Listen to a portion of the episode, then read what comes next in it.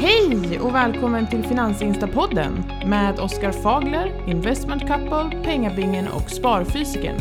En avslappnad podd om ekonomi där du får vara med och styra innehållet. Hallå och välkomna till Finansinstapodden. Vi nollar idag om jag inte har helt fel för mig. Det är avsnitt 40. Japp. Yes, stämmer. Stämmer bra. Bra ni har koll. Ehm, idag så ska vi köra ett frågeavsnitt. Det var länge Mm. sedan. Mm. Och det har kommit in Och- otroligt många frågor. Så vi får eh, Ja, bränna av ett gäng här. Så tyvärr kommer inte alla med. nej. Men eh, vi kör, eh, vi, vi, ska vi, vi drar igång Det direkt. Du är ju vår frågeuppläsare. Jag hör att du är taggad. Och alla är här Eller hur, ja. här gången. Ha, ha sån lista här. Vi kör igång direkt och bränner av allting. Ja, ja. Men ni, har- ni har haft en bra vecka och allt sånt där hoppas jag. Ja, Jo, Skönt. standard. 3% ner. Kolla det är en bra Är du vecka. 3% ner eller? Ja, ja, ja, kanske mer. Jo men det är bra. Har du, ät- har du ätit upp ditt godis nu, Pengabingen? Du satt och smaskade. Nej, jag sitter här med en påse Pim-Pim faktiskt. Mm. Väldigt goda. Nostalgigodis. Mm. De har ju funnits ja, så länge jag kan minnas. Ja, det... Det, det är nog... eh, Ja, det är väldigt länge. Verkligen. Vad kostade de när ni var små då? Jag älskar att man måste glida in på lite mat här. någonting. Alltid någonting man kan käka. Det måste nämnas här. Ja. Ja, precis. Det är viktigt. Ja, vad sa du Isse? Ja. Vad kostar de när... Ja, precis. Vad, vad kostade de när liten. SF var liten? Eller när PB var liten? Det känns som att han kan sånt där. Nej, jag vet inte. Ja. De var säkert väldigt billiga och heller. påsen var säkert lite större också. Vi har ju pratat om det där att de gör påsarna lite mindre Ja. och höjer priserna. Jag kommer ihåg att eh, bara när jag var liten, det är inte så länge sedan, inte som sparfysiken liksom. Han är ju ganska gammal. Men, eh, Tack. men då Bara kunde man tio år mellan oss och så. Shh, shh, det vet inte följarna. Eh, nej men då kostade ju, då kunde man ju få fem sådana där påsar för 20 spänn. Och Mm. nu har man ju tur om det är tre för 20. Kanske två. Nej, Och så är de mindre dessutom. Men jag köpte mycket. Ja, exakt. Ja. Jag köpte mycket sådana här, jag gick till kiosken och köpte 10 öres godisar och det var väl vanligt lösviktsgodis men de plockade ju åt den. Mm. Så stod man där med 50 lappar man såg riktigt hur de bara hängde med huvudet när de såg en, att man skulle ha 10 öres godisar för 50 kronor. jag vill ha, jag vill ha eh, 5 kronor av den sorten där. Så, men eh, det, var, det var guld alltså, man fick mycket godis eh, kändes det som. Mm. Pim-Pim, eh, de finns ju på börsen också. Vet ni vilka som äger varumärket? Nej, Eh, nej. Cloetta. Cloetta. Ja, jag tänkte Ja, ja. gissa det. Mm. Den Känns har som en sån här gått eh, 5% är den plus de senaste tre åren. Man kunde ju tänka att det var lite av en pandemivinnare annars. Folk sitter hemma och äter extra mycket godis men eh, nej, så Men har är det inte blivit. Är det en utdelare eller? Jag har noll koll på Cloetta.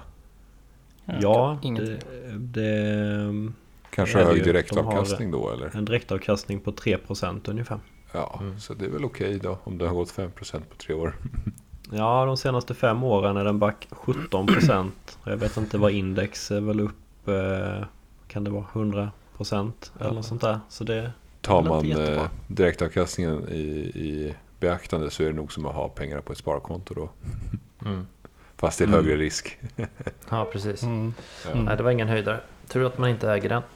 då är det bättre om man köper godiset. Men har du grafen uppe där? Visst rusade den vid, eh, vid pandemin där, vid kraschen? För jag har för mig att många köpte den där och Axfood och grejer. Vi tror att de skulle gå bra. Ja, Mm, Ja, jag har tagit fram graf. Nej, den gjorde faktiskt inte det. nej, jag kanske blandade ihop det med Eh, någon annan. Ja, ja men däremot Axfood och, och eh, Ica gick ju väldigt bra där ett tag. Men jag tror ändå att eh, de vek väl ner sen eh, 2020. Mm. Så det var nog ingen, ingen jätteuppgång ändå. Mm. Ja, jag kollar här nu. 2010 kostade aktien som högst kring 18 kronor. Nu kostar den 24. Mm. Ja, det är kast. Det är ingen, det är ingen jätteuppgång där. Nej, men eh, ska vi köra igång? Vi gör det. Vi gör det. Eh, första insändaren. Tack för grym podd. Varför tror ni Embracer står och stampar trots många höjda riktkurser?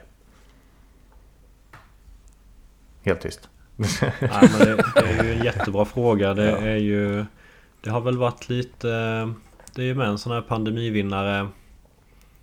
Eh, och eh, Embrace och andra gamingaktier gick ju upp mycket 2020 och, och, och en bit in på 2021. Och sen har det väl stått och stampat lite grann hela den eh, sektorn tror jag. Mm.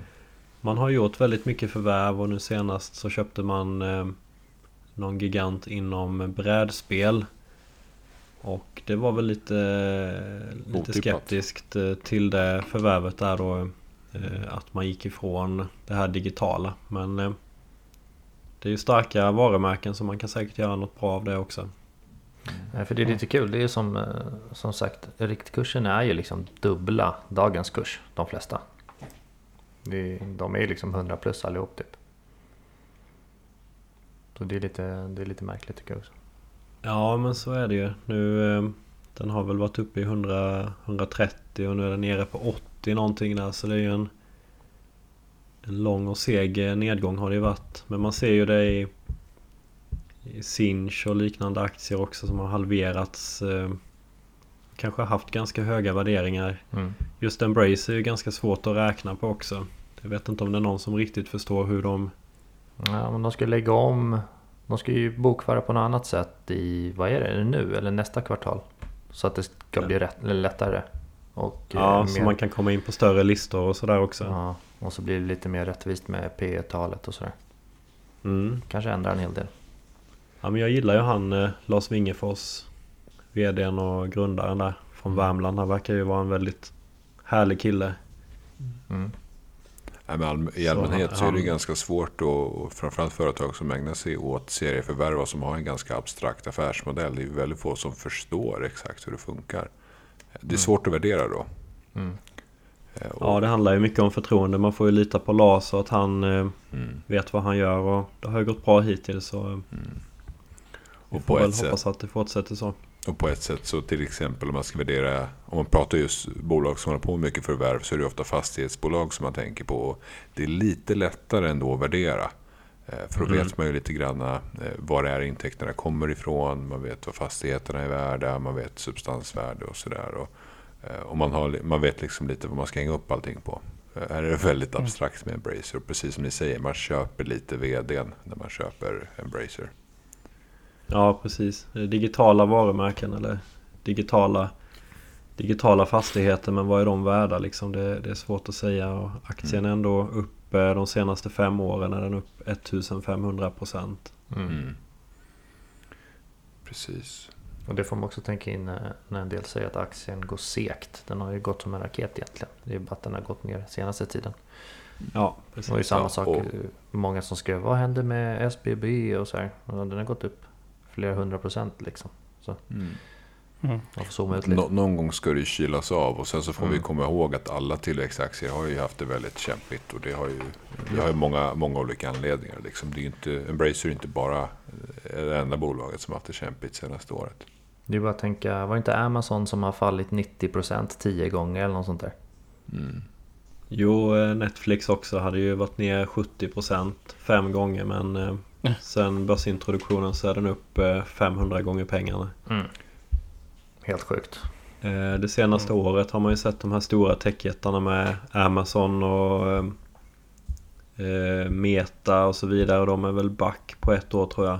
Så att eh, de har haft det lite tufft de här digitala bolagen. Mm. Ja, vi skuttar vidare.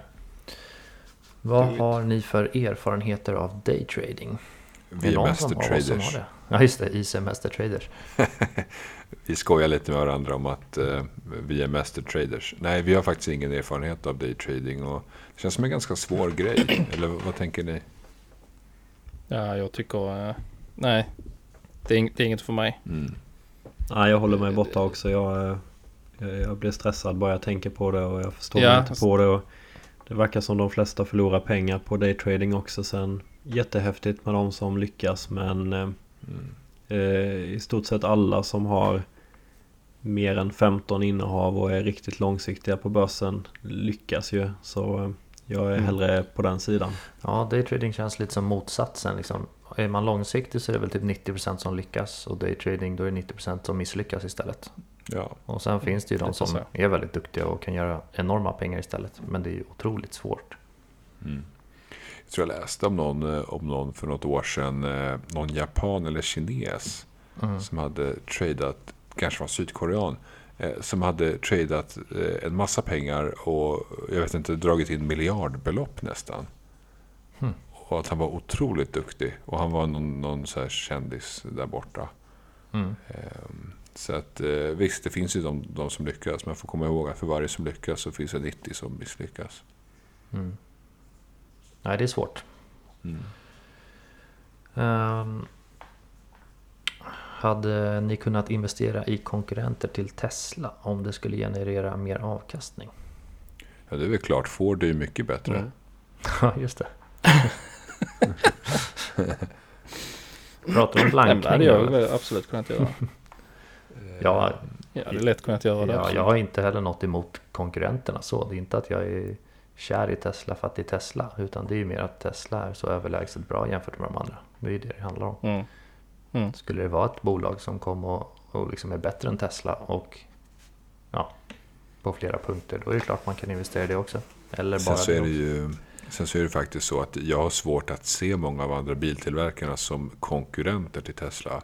Mm. Eh, direkta konkurrenter. Eh, jag, jag vet inte hur man ska betrakta Tesla, men idag kanske det är svårt att se det. Men om fem år så kommer man snarare jämföra Tesla med Meta, Alphabet, Amazon med flera än med Ja. Volkswagen. Liksom. Mm.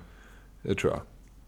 Exakt. Det är bara för att det är dagsläge. Skulle inte flera, skulle inte flera biltillverkare gå ihop nu och göra någon gemensam grej med batterier? Jo, jag tror det. Var det inte... Var det Ford? Jag hörde någonting på radion. Jag, Jag tror det var lyssnade lite med ena örat för jag satt i telefon. Investera Ja. 7 miljarder dollar. Just det, var det inte, eh, vad sa Elon Musk på det? Han sa väl typ att ni kommer behöva göra bättre än så. Typ. Ja, just det. Han var lite Mm. kaxig där. Tyckte, deras, tyckte det var dåligt av dem. Nej, men de sa en miljon eh, elbilar 2025 va? Per Ja, år. just det. Mm, Eller Det är vad sånt där. Tesla gör i, i år redan liksom. Ja, ja. Precis. ja. Nej, Ja, vi får se. men självklart. en eh, konkurrent, absolut. Om det finns en bra sådan. Mm. Men det gör det Mm. inte i mina ögon i dagsläget.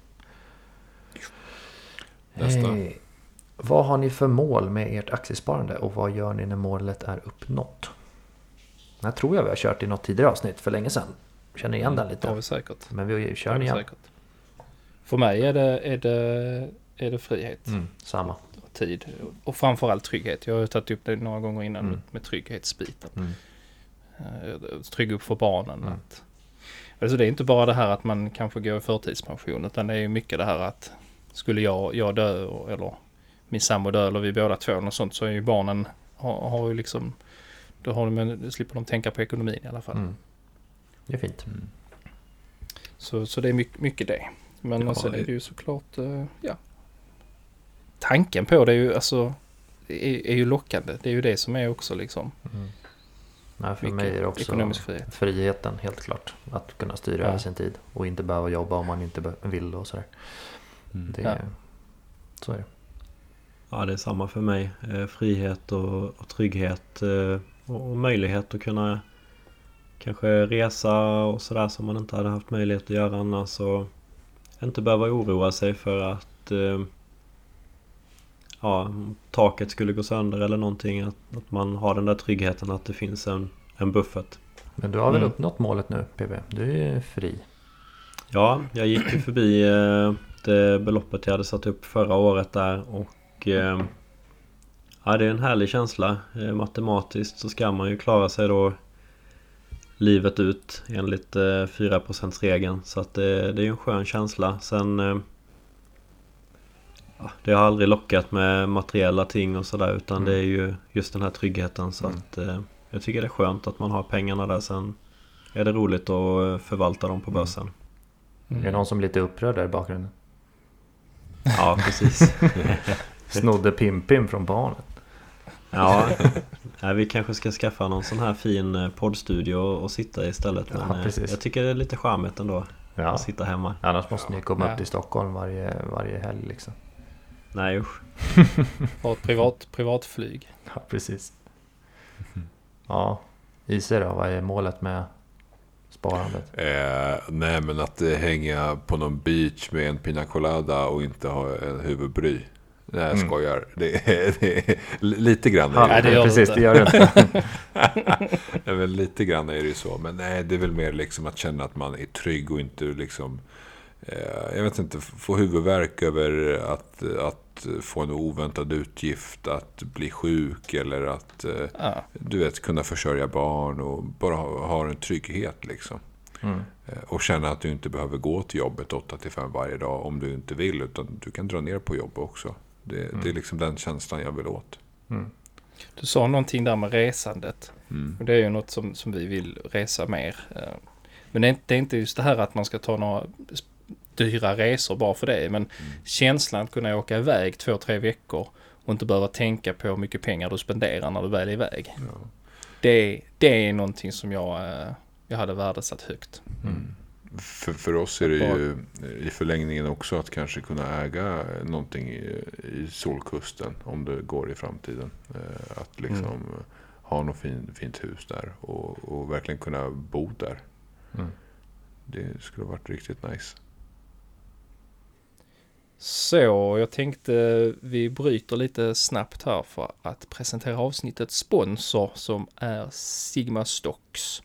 Sigma Stocks är ju en eh, aktiesparrobot då som låter eh, en spara och investera eh, automatiskt eller på autopilot kan man säga. Det är en eh, unik spartjänst som är först ut med att erbjuda ett helt automatiserat aktiesparande i en portfölj då som skräddarsys efter ens egna mål och preferenser. Och detta då till en av de lägsta avgifterna på marknaden. Ja, och det vet vi ju att avgifterna är ju väldigt viktiga och eh, Sigma Stocks har en förvaltningsavgift på eh, 0,35 till 0,39 procent av det förvaltade kapitalet. Så det är ju bland de lägsta på marknaden och väldigt lågt, det får vi säga. Mm. Vi tycker om låga avgifter, det har vi ju eh, på, på lång sikt när man sparar så avgifterna kan göra väldigt stor skillnad. Ja, precis. Nej. Så är det verkligen. Mm. Och ehm, det är relativt lätt att komma igång. Det tar inte alls lång tid. Man skapar helt enkelt ett konto på sigmastocks.com och där får man då ehm, svara på ett antal frågor och sen så då kan man få sitt, ehm, sin portfölj skräddarsydd efter hur man svarar på de här frågorna. Man vill utesluta vissa branscher kanske eller och lite så här alltså, satsa lite mer på miljö så kan man styra den åt det. Och sen så då sköter Sigmastocks detta från köp till optimering av ens portfölj. Sen kan man givetvis enkelt logga in och eh, följa sina portföljer och utvecklingen där på sigmastocks.com. Och eh, Sigma Stocks står ju under Finansinspektionens tillsyn Ja, Eh, Och det innebär att eh, då gäller alltså den statliga insättningsgarantin och investerarskyddet och det här kanske inte så många tänker på men det är ju faktiskt väldigt viktigt. Eh, Det innebär ju att man äger de värdepapperna som ingår i sparandet så skulle Sigma Stocks mot förmodan gå i konkurs så händer ingenting med de eh, innehaven man har precis. och eh, ja, man använder ju också BankID då för säker och smidig inloggning. Mm. Ja, men det, det är som du sa, det är viktigt det här att man står då under eh, Finansinspektionens tillsyn och där är insättningsgaranti. Kan man sova gott på natten? Såklart. Um, givetvis så ska man ju tänka på det här är ju investeringar och investeringar innebär alltid en risk. Man kan förlora hela eller delar av sitt kapital. Så det ska man vara medveten om. Men i övrigt så tycker jag att man kan gå in och läsa mer på Sigma Stocks hemsida redan idag. Eh, skaffa sig en liten bild av det. Och eh, är man sugen så kan man då öppna ett konto där och eh, testa deras aktiesparrobot. Med det sagt så tycker jag att vi fortsätter eh, dagens avsnitt. Kör vi! Mm. Ja, nästa fråga, eller rättare sagt frågor. Det är typ 300 stycken av samma och det är att prata om Tesla. Men det tycker jag vi gör varje podd. Mm. Men eh, lite mer fördjupande kanske. Och några frågor är när kommer Tesla-avsnittet? Väntat länge. Vi har ju sagt att vi ska göra ett avsnitt om bara Tesla. Ehm, Mm. Ja men det är väl kanske en bra idé att göra det. vi, Så vi pratar lite mer. vi pratar så mycket om allting. bara, Vi borde ta in en gäst. Och så går det tio avsnitt. Sen så man, ja, Ja. vi borde det. Ja. Men, eh, men ett Tesla-avsnitt där skulle vi kunna gå på djupet på lite mer liksom Mm. olika delar av, av Tesla liksom. Mm. Nej, men vi, eh, vi får lösa det inom kort. Spalta upp det Mm. liksom. Eh, sen en annan här som skriver. Tycker du det är galet att jag inte äger några aktier längre utan gått all in bitcoin? Och ja, det är lite galet. Tycker jag. Eh, Isebär, det är klokt. Ja, det, är- det är galet. Men, eh, men eh, jag då? Men, Ja, men jag är inte Jag- så himla galet. nej, men jag, tycker det är, alltså diversifiering är ju alltid klokt. Mm. Men eh, sen så att, att ha bitcoin är ju inte någonting konstigt i sig, Nej, inte galet. Jag tänker samma. Och sen är det också vad man har för strategi och vad man, man tycker liksom. Om man nu behöver ställa den här frågan, jag tycker det är lite så. Om man nu behöver ställa den här frågan till någon, till oss till exempel, då tycker jag nog att det är lite galet. Mm. Då har man kanske lite för mycket i bitcoin. Japp. Nej men så här, alltså att gå 100% i vad som helst är ju helt galet. Precis som det är helt galet att din enda tillgång till 100% bara skulle vara ett hus till exempel. Alltså jag tycker Mm. oavsett vad du gör så ska du inte ha all din förmögenhet i en enda tillgång. Det tycker, Mm. jag tror nog de flesta av oss håller med om. Japp. Sen så kan ju vissa vilja att koncentrera sina portföljer och kanske ha typ så här 20, 20, 20, 20, 20 procent och bara ha fem innehav. Och det kan se ut som, Mm. som typ att ja, men du vet, man har en kryptovaluta, man har ett investmentbolag, man har en, en tillväxtaktie och sådär. Och det är också ganska galet. Men jag förstår att vissa gillar de strategierna därför att de är, är liksom benägna att ta högre risk och vill ta högre risk. Eh, inget som passar oss, men, men för, vissa passar det ju. Precis, man kanske ska ändra ordet galet till riskfyllt. Det är ju väldigt Mm. riskfyllt. Är det. Så är det. Mm. Ja men verkligen, man får ju ha extremt starka nerver och jag skulle ju starkt avråda eh, från det. Jag, jag är ju själv väldigt försiktig och vill inte ha mer än 10% i en aktie och sådär. Ehm, Så att ha allting i en aktie eller ha allting i en kryptovaluta tycker jag är eh, Ja det är ju extremt hög risk eh, såklart. Eh, Sen kan det ju vara så att personen kanske jag vet inte, äger ett hus och kanske har en buffert också. Och sen har ehm, all sin exponering mot börsen eller Mm. krypto i, i bitcoin och då kanske det bara är en mindre del av den totala Förmögenheten. ekonomin ändå. Det, det Mm. framgår inte riktigt. Ja, jag Precis. tänker också så här, man kanske har 5000 spänn om man har gått in i bitcoin. Då är det inte så galet. Men har man gått in med liksom sina, sitt arv på 3 miljoner, då är det rätt galet. Ja, precis. Man får lite perspektiv. Och vissa har ju kanske en avbetald villa och, och en dyr bil och allt vad det är. Och sen så har de gått in liksom all in i tre aktier. Visst, eh, det är lite galet men, men det beror lite Mm. på hur mycket man har på börsen också. Är det några hundratusen så kanske det inte är mycket för den personen därför att man har massa andra tillgångar. Men, men det är ändå väldigt riskfylld portfölj på så sätt att den kan ju liksom halveras på väldigt kort tid. Mm. Eh, och har du liksom 100 000 kronor som du bara gått all in i bitcoin. Då kanske den var 200 000 i november men är 50 000 nu. Det, Mm. det varierar extremt mycket och det är liksom ingenting som har sovit gott, eh, gott med på natten tror jag. Mm. Eh, nästa fråga passar ju lite på den där då. Scenario. Du måste sälja allt och endast köpa in dig i en aktie. Vad väljer du? Räknas investmentbolag som en aktie eller? Mm. Jag skulle precis säga det. Ja, det tycker jag. Mm. Alla, Ja, alla säger Investor säga- bara. Ja, Investor. Ja, ja, men då skippar vi investmentbolagen då. Man, man får inte välja ett investmentbolag. Okej, med investmentbolag så väljer alla Investor då alltså. Mm. Mm. Och om man inte får välja investmentbolag då? Ska vi inte säga för, varför skulle vi välja Investor i så fall? Det är för att det är lite som en fond att man får många underliggande Ja. aktier där va? Mm. Mm. Få lite bredare exponering. Så Och att det är en som aktie som har funnits i 100 år och har lång historik. Och gått väldigt Mm. bra. Skulle jag inte få välja investmentbolag då skulle jag nog säga Alphabet i så fall. Det Mm. är ju kanske lite också som ett investmentbolag där de har Youtube och Google och Mm. många Precis. andra varumärken. Så att eh, där får man en liten riskspridning inom den aktien. Den eller Meta eller Amazon hade jag nog valt. Mm. Jag hade nog valt eh, Microsoft. Mm. Mm. Ja, jag hade nog- Ja, behöver vi inte fråga. Just på den otroligt långa historiken Mm. Mm. eh, faktiskt.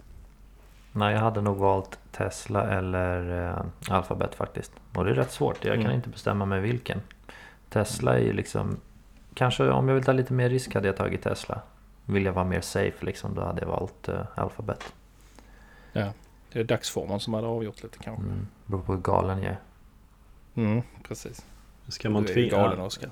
Skulle det vara ett kriterium att man måste sitta med den här aktien i 15 år också. Då kanske man hade tagit något sånt där som har funnits väldigt länge som Microsoft har ju varit ett av världens största bolag nu i över 20 år. Mm. Mm. Eh, det är viktigt här också. Tråkigt men viktigt att vi lägger in en disclaimer såklart. Med allt vi säger här. Att detta är någon köpråd och att man kan förlora investerade pengar på börsen. Att detta är köpråd, sa du det? Ja, precis. nej, nej, nej, nej, nej, nej, nej. Jag klipper bort detta. Ja, precis. Nej, men det är väl viktigt. Vi kanske ska lägga in det i början på varje avsnitt. En liten disclaimer till allt vi säger. Nej men verkligen. Och ingen av oss skulle nog gå in med alla pengar i en aktie utan... eh, Men det är ändå lite kul eh, rent teoretiskt att tänka hur, hur man skulle kunna göra om man blir tvingad här. Mm. Mm. Ja, Kul fråga. Yes, det var vi hoppar vidare. Mm. Hur ser ni på att sälja något som gått dåligt? När går er gräns för att sälja? Alltså vi, vi har Den klarat... tycker jag är lite svår. Det, det beror lite på varför den går dåligt. Mm. Exakt. Det måste finnas en väldigt bra anledning till att den går Det är dåligt. skillnad på om aktien går dåligt eller om bolaget går dåligt. Det är viktigt. Ja, exakt. Går bolaget dåligt och där, har, där är saker som och jag slutar tro på, på företaget så säljer man ju. Mm. Det är, så, så är det ju. Det är ju i alla fall min grundregel. Mm. Så är det. Men den är svår när man väl, om man väl sitter där och det är ett företag man tror på och sen så går det käpprätt åt helvete. Mm. Och man börjar svettas. Det är, Ja, men det är ju som lite, lite i Tesla liksom. Där, där, den dippar ju lite titt som tätt. Men bolaget presterar ju bättre och bättre hela tiden. Och då Mm. köper jag ju de dipparna. Skulle den börja dippa för att Tesla får dåliga leveranser eller att ja, bara går dåligt för företaget. Då kanske man inte köper de dipparna utan överväger att sälja Mm. då istället. Så det, Precis. Man ska komma ihåg att man äger en liten, liten del av ett företag. mm, Precis som att man eh, äger sin bostad kanske om man kollar på Hemnet. Vad, vad ligger priserna på? Jo, det har gått upp lite och det har gått ner lite men man säljer inte sitt hus ändå liksom. Mm. Man bor ju kvar där och man kanske ska tänka lite så med aktier också. mm, Mm. mm. Ska vi skutta vidare? kan vi göra. det gör vi. Skutt, skutt. Tips för att lyckas nypa NFTs via, hur säger man? Weave? Vev? Weave? Vi- Jag säger wee wee. Wee wee. Jag, jag tar gärna emot tips. Jag får höra. Missar alla drops. Ja, det här. Vi skulle haft fröken med då. Ja. Jag vet varken vad en NFT, wee eller drop är. Men jag äger ändå några comics. Så att, Nej. Men det, det, det är ju så jävla många som är inne i den här appen tydligen Mm. och eh, är, hänger på den här knappen och det är så få som drop, drops i förhållande till användare Mm. så att det är liksom Och tydligen så finns det ju massa bottar också som matar de Ja. där knapparna. Så just i dagsläget är det nog väldigt svårt att få en dropp. ja. Jag tror nästan, man ska ju trycka i rätt läge då. Man ska väl nästan trycka snabbare än den mänskliga reaktionsförmågan. Så att det, det handlar ju mycket om tur. Mm. ja. En och en halv miljon användare och kanske 10 000 eh, NFT då. Så Mm. att det, det är ju en väldigt liten eh, chans att man får en. Mm. Särskilt mot de här bottarna då. Mm. snacka, om- snacka om ponzi liksom. Skapa enormt köptryck och så går det inte att ta ut pengarna. Japp. Så är det en app som alla använder och ingen kan sälja. Ja, Mm. det blir intressant att se hur vi, Wii Wii, Vivi, VV Mm. utvecklas. Jag tycker det är kul att följa eh, Fröken Investera där. Att hon skriver väldigt öppet hur det går. Mm. Mm. Så att Ja. det, det är kul. Ja, Det är verkligen skitkul att eh, hon och eh, ekonomigurun brukar ju dela en del. Det är lite Mm. kul att följa Mm. faktiskt. Ja, nästa fråga glider in lite på den. här. Vissa räknar in värdet på NFT i sin portfölj. Är det dumt när man inte ens kan casha ut pengarna? Nej det tycker inte jag. Det finns ju andra tillgångar som du inte kan casha ut direkt ju så att eh, det är ju Mm. inget konstigt egentligen. Men om Nej, man, ja, Jag tänker samma, det är ju inte dumt för det är ju vad den är värd. Men Mm. eh, det blir mer realistiskt värde sen när man faktiskt kan casha ut. Vi vet ju inte, det kanske droppar jättemycket i pris precis när man kan börja sälja. Ja, så ja. så. Det är ju hög risk. Mm. Men jag, om jag hade haft massa NFT då hade jag mm, värderat det i portföljen också. Mm. Ja. Tankar Så. om Netflix? Jag vet inte vad, antar aktien då? Tankar om Netflix-aktien kanske? Jag trodde att man skulle ge sina bästa eh, tips på bra serier. Antar men att de menar... Vad är bästa serien? Vad kollar du på där menar- hemma Sparfysik? Nej, jag kollar på allt möjligt skit. Snowpiercer kollar jag på. Det är någon science fiction, Mm. såklart. Är det den där de åker tåg? Ja, den är, den, är, den är spännande. Den är konstig men spännande. Ja, jag började kolla på den men jag, jag vet Mm. inte. Jag fastnade inte riktigt. Legends of Tomorrow också, apropå um, NFTs och sånt här. Det är ju DC Comics de eh, som har gjort väl Aha. Legends. Mm. Den är skitdålig men då har man liksom tittat tre säsonger så har man ju liksom blivit kompis med karaktärerna. kan man inte sluta titta. Mm. Ja, nej men aktien då? Netflix-aktien. Vad tänker ni kring den? Den, Den- har ju slaktats eh, på börsen. Den var ju uppe i 700 dollar och nu är den nere i 350. Halverats. Eh, gick ner 20% på sin rapport. För att Jag man sa tänker- att man- skulle växa med eh, 2,5 miljoner användare istället för 8 miljoner användare Mm. nästa kvartal. Jag tänker lite så här om företaget. Kommer Netflix kunna fortsätta bara på samma räls att de gör filmer och serier och sen inget annat? Eller måste de börja tänka lite utanför sin box? Och börja med någon, någonting annat med någon annan slags tjänst eller någonting. För att eh, det känns ju som de når en gräns med användare liksom. Men de måste hitta, de måste komma till någon slags platå. Mm. Nej, det finns Där det. utflödet och inflödet är jämnt liksom. Hade de inte på gång med något spel? Snackar inte du om det, Pengabingen? Jo, de har ju någon satsning där men jag vet inte. Det är nog precis i, eh, i startskedet så jag vet inte riktigt hur, hur det kommer gå med det. Jag, jag kan tycka det det är ju kanske bra att de breddar sig men det kan också vara lite oroväckande att de går ifrån eh, sin affärsmodell. Mm. Att det blir som ett desperat eh, tecken liksom. Mm. Det är ju lite samma Ja. med Facebook nu och Meta. Nu ska de in och bygga den här metaverse, eh, den digitala världen och ja, men man vet ju inte riktigt hur det kommer gå. Mm. Lyckas de så kan det ju bli hur bra som helst och så är det ju med Netflix också. De har ju haft en jättehög värdering men nu är det ju inte så högt längre faktiskt. Jag tycker det börjar se lite intressant ut. Mm. Ja, framförallt när de kan... När Netflix kan komma med sådana här massiva hits som Squid Game. Den kostade ju 20 miljoner dollar att, att göra. Och själva Mm. vinsten var ju en miljard dollar typ. Mm. Så att Fina ibland prickar de ju rätt och det är ju som kassakossor. Helt oväntade kassakossor ibland. Mm. Så att de har liksom många fronter att jobba på. Inte bara öka användarantalet. De kan skruva upp eh, sånt här. De kan eh, öka kostnader, eller öka priserna och sånt där. Så att, Ja, men jag sa det, Jag de kan ju hitta på något så här.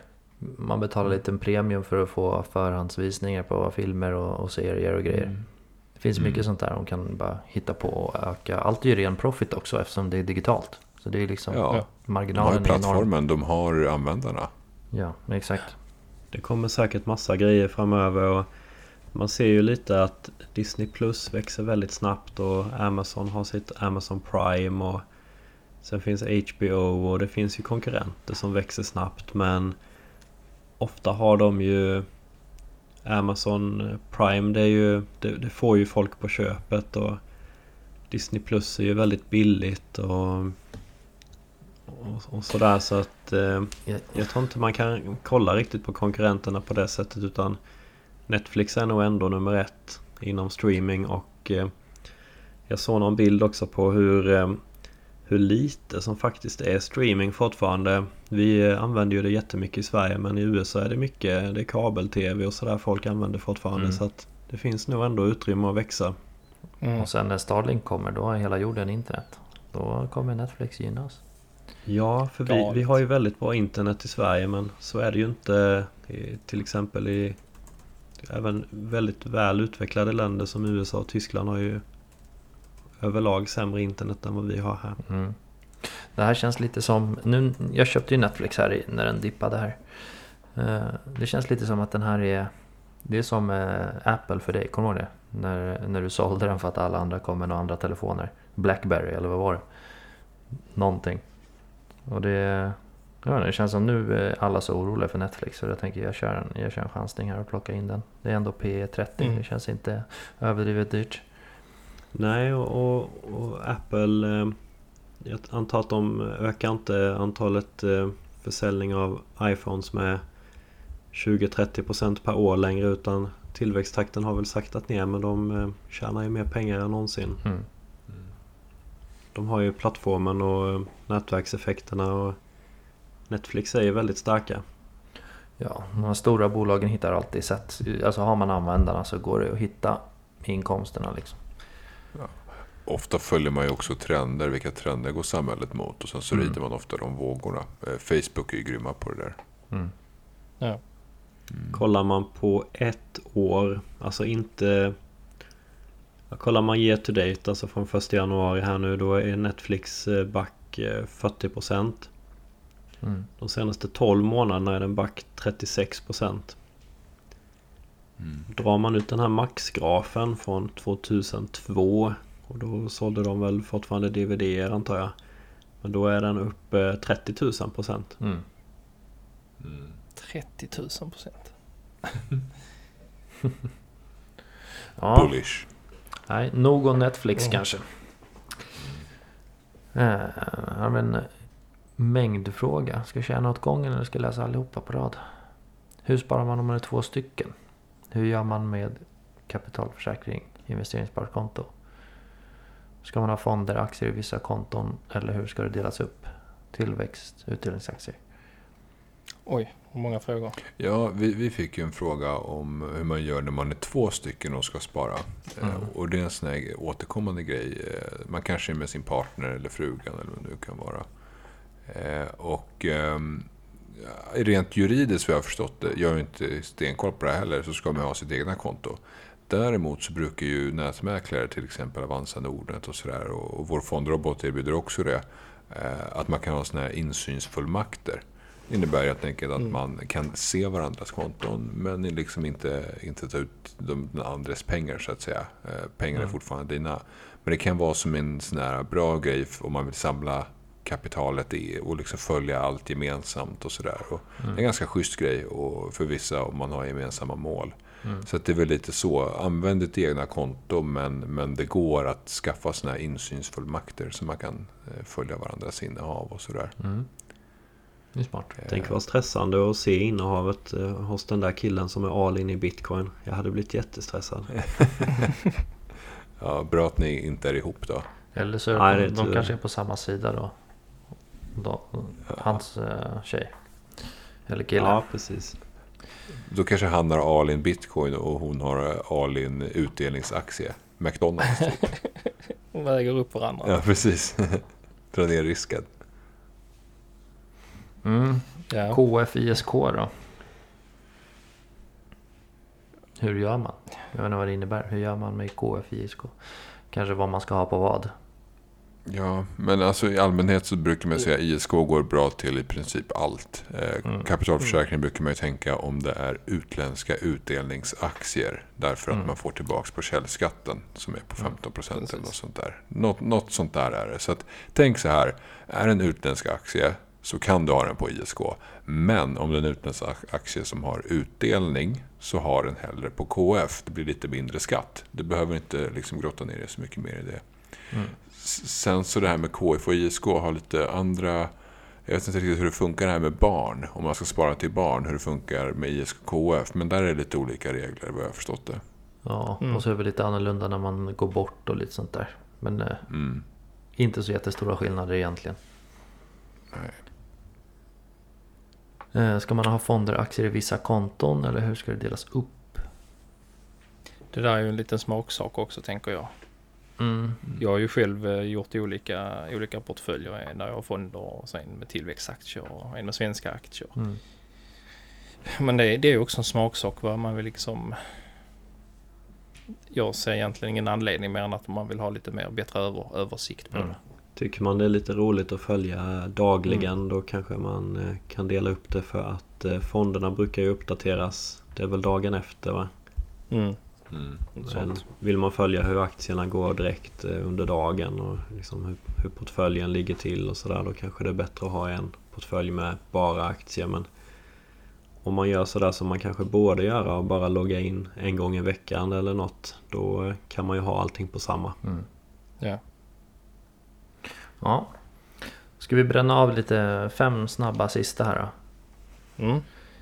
Eh, vid historiska nedgångar på 20% eller mer, hur många år har det tagit att komma tillbaka till plus minus noll? Varsågod pengabingen. Oj, Alltså, nu har jag ingen, eh, ingen bra statistik framför mig men eh, eh, en normal eh, nedgång eh, i, i snitt tror jag under ett år ligger på 14% så att eh, det brukar alltid komma någon dipp varje år. Kanske inte kring 20% det är ändå en del men eh, börsen brukar repa sig rätt snabbt så jag tror den är tillbaka jag vet inte, alltså ganska snabbt ändå. Man, man får, behöver nog inte vänta två år i alla fall, det tror jag inte. De Jag absolut eh, längsta dipparna är väl typ 10 år. Och då är det de längsta liksom. Ja, precis. Kollar man på eh, Stockholmsbörsen så är det ju ingen period eh, från 1945 och framåt som har negativ avkastning utan Mm. eh, det hade kvittat när man började. Man, man får alltid tillbaka pengarna Mm. under 10 år Mm. eh, historiskt då. Sen vet man ju inte hur det går nu i framtiden här. Jag har en graf här på OMXS30, Stockholmsbörsen. Eh, Och eh, från 90-talet, 1990. Eh, Och eh, då såg vi en dipp som var liksom nästan 20 procent. 1990 och 1992. Eh, Och de repade sig eh, liksom på mindre än ett år båda. Mm. Eh, Och sen så fanns ju den här, på 1998 fanns den också som var kring 30 procent eller någonting. Den repade sig också på ett år. Med andra ord, 20% nedgångar det är ett, två år bort max. Så har Mm. något sig. Däremot var, fanns ju den här IT-bubblan och IT-kraschen eh, 2000. Eh, den tog ju ett rejält tag att repa Mm. sig. Mm. Ja, Mm. Där pratar man väl om the lost decade. Eh, Microsoft tog 16 år att repa sig. Mm. Shit. Sen så får man komma ihåg att det här innebär ju om du köper på toppen på IT-bubblan. Eh, Mm. Jag menar, sparar man månadsvis så, så är man ju sannolikt plus. Eh, Mm. mycket snabbare så att säga. Ja. Precis, det är ju det är sällan man köper på toppen eller botten utan man köper ju väldigt många gånger oftast. Och när du köpt på toppen så har du kanske bara köpt 5-6 gånger på toppen av 100 gånger. Då Mm. påverkar inte ditt gav så mycket så att säga. Ja. Uh, ska ta vidare. Hur ska man tänka som 15-årig investerare? Ska man ta mer risker eller ta det lugnt? Jävlar vad ung. Det är ju Ja. jävligt bra. Ja men det är bra. Det är jättebra. Ja. man brukar väl säga... Grattis får man ju säga först. Om, om Ja, man är 15 år och lyssnar på detta eller 15 år och börjar investera. Det är ju fantastiskt. Mm, verkligen. man Alltså. brukar väl säga att man, ska, man, man kan ta lite högre risker när man är lite yngre. Och sen när man närmar sig pensionen så ska man dra ner på riskerna. Mm. Jag Sen ska, vad som är hög risk och låg risk det får man ju själv avgöra. Ja, den man ska- här 15-åringen tänkte jag bara. Eh, om, om man är 15 och försöker spara 1000 kronor i månaden. Man gör alltså allt för att komma över 1000 i månaden. Eh, och så sparar man sådär och fick, liksom vänjer sig vid det resten av livet. I 40 år kanske. När man är 55 så har man 2,5 miljoner med ränta på ränta. 7 procent årligen. Mm. Wow. En tusenlapp. En tusenlapp liksom. Ja. Det, är, det blir inte svårt sen när man är 20 plus. Som 15-åring är det nog lite svårare att få upp en tusenlapp i månaden. Men, men Eh, när man är lite Fixa ett äldre. extra jobb. Fixa ett, fixa ett extra jobb på ICA eller Coop eller något sånt. Ja, och jobba lite Men efter man kan ju liksom börja med så har man fixat 300 det. eller 400 kronor när man är 15 och så kan Mm. man bumpa upp det till 2-3 tusen sen när man är 25. Mm. Mm. Ja, de där pengarna man kan få in tidigt där, de är ju värda otroligt mycket sen i slutändan. Fatta den tryggheten när man börjar komma upp i den åldern där man ska skaffa barn och kanske hus eller Mm. lägenhet. Och man har den tryggheten. Man har det här kapitalet på börsen och man vet. Och Mm. liksom, alltså slippa hela den där... Många kommer ju på det här i 30, 35, 40 års åldern att man borde spara pengar. Liksom. Mm. Slipper man hela den där uppförsbacken. Ja, med andra ord. eh, när man är ung kan man, har man råd med mer risker. Längre tid på det att spara. Ja. Mm. Men inte dumma raketer och sånt där kanske. Utan mer tillväxt och sånt. Nej, exakt. Man har råd att göra misstag men man, man, man behöver inte ta hög risk heller. Utan Mm. man har verkligen tiden på sin sida. Och, ja, Ja, man ska- man ska inte man ta- i en indexfond så kommer det gå hur bra som helst. Mm. Ja, man ska inte ta dumma beslut bara för man tänker att det rättar till sig i längden. Nej. Eh, absolut inte. Mm. Mm. Kul. Eh, hur mycket pengar startar ni med när ni börjar investera? Ja, Jag minns inte. Nej, jag slängde in en tusenlapp. Jag tror att vår... eh, 5 000 kronor tror jag Mm. det var. I eh, indexfonder framför allt. Fan, kommer ni ihåg allt det här? Det här var... Det här Jag var tror jag började med 2000 kronor. Mm. Nej, jag kommer ihåg det för jag satt på jobbet när jag gjorde det. Hade tråkigt. Vad sa, vad sa du Oskar? Vilken var första aktien du köpte? Uh, fingerprint. Ja, klassiker. Vad va- du gick i. var, det, var det när den gick upp fruktansvärt mycket eller när den gick ner fruktansvärt mycket? Eller båda? Nej, den gick upp så jag fick bra start. Ja, Jag gick plus. ja härligt. blev miljonär. ja, precis. Så du investerade i tech, eh, svensk tech kan man säga då. Mm. Så var det. Ja. Ja. Ehm, vad tänker ni kring lågt värderade bolag som kan gå upp flera tusen procent? Och där har jag ju direkt att det är någon vän som har tipsat om någon aktie. Mm. ja, det är sådana man så. vill hitta. Ja, det är ju Ja. otroligt svårt att veta vilka de är. ja, och sen lågt värderade, Ja. jag vet inte.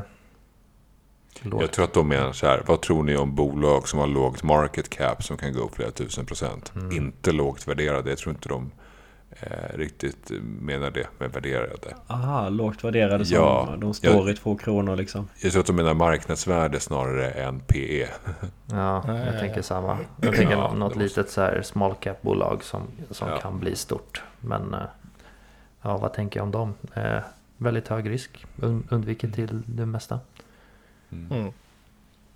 Ja, Hade man haft så det är, en- sällan, det är sällan jag köper någon aktie som har ett marknadsvärde under en miljard faktiskt. Mm. Jag gillar när de har bevisat sig lite grann.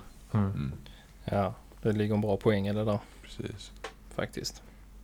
Men det är klart jag träffar inga raketer heller. Mm. Men det behöver man inte göra. Nej. Nej. Även, även om det är kul. Så, men det, det, det är ju också där risken ligger ju. Så, eh, mm, nej. Stay away, säger jag. Ja. Vi ska ta vidare. Ta en eh, sista Mm. fråga. Mest köpvärda aktien för tillfället? Norwegian. Du, på tal om det, var, det var den mest ägda tror jag, eller mest köpta aktien. Är inte det sjukt? Jag ska kolla det. Helt galet. Det var någonting av Jo, det. Det, det är helt, ofattbart. galet. Jag fattar inte varför så många köper den där. Är det för att den har kraschat med 90% av folk bara åh nu kan det bara gå upp härifrån? Men vad menar vi med köpvärd aktie? Vad är en köpvärd aktie? Lågt värderad. Fin framtid. Jag tänker typ eh, Mm. Alphabet eller Microsoft eller något sånt där. De känns riktigt nice Mm. faktiskt. Ja, men jag håller faktiskt med. Någon av de amerikanska techjättarna. Jag vill nästan slå ett slag för typ Meta. Mm. Mm. Den är lite, lite mer risky men den har ju potential alltså. Och den är så otroligt lågt värderad tycker jag då. Ja Mm. precis, den handlas ju till P 20 nu. Och det är väldigt lågt. eh, Det är betydligt lägre än många svenska verkstadsbolag till exempel. Mm. Det var det. Mm. Jag trodde ni försvann, det var helt tyst. Jag bara så, shit. Ja. Nu, nu är tekniken igen. Alla börjar bli, börjar bli trötta nu. Alla gick in Ja. och köpte Meta här nu. Ja precis. Nej men vi, vi ska väl... Eh, som sagt det här är absolut inga köpråd utan eh, Ta era egna investeringsbeslut och eh, Lyssna inte på oss helt enkelt utan det här är bara i underhållningssyfte. Mm. Mm. Verkligen. Yes. Nej men eh, vi var färdiga där med frågorna. Mm. Och nu fortsätter vi till andra halvan av eh, avsnittet. Ja Nej, precis. jag skojar. Jag har babblat i 45 minuter. Vi, eh, vi rundar av där Det va? gör vi. Mm. Mm. Eh, bra poddat allihopa. Vi ses och hörs och alltihopa. Yes, detsamma. Hej då! Hej då. Ha det bra.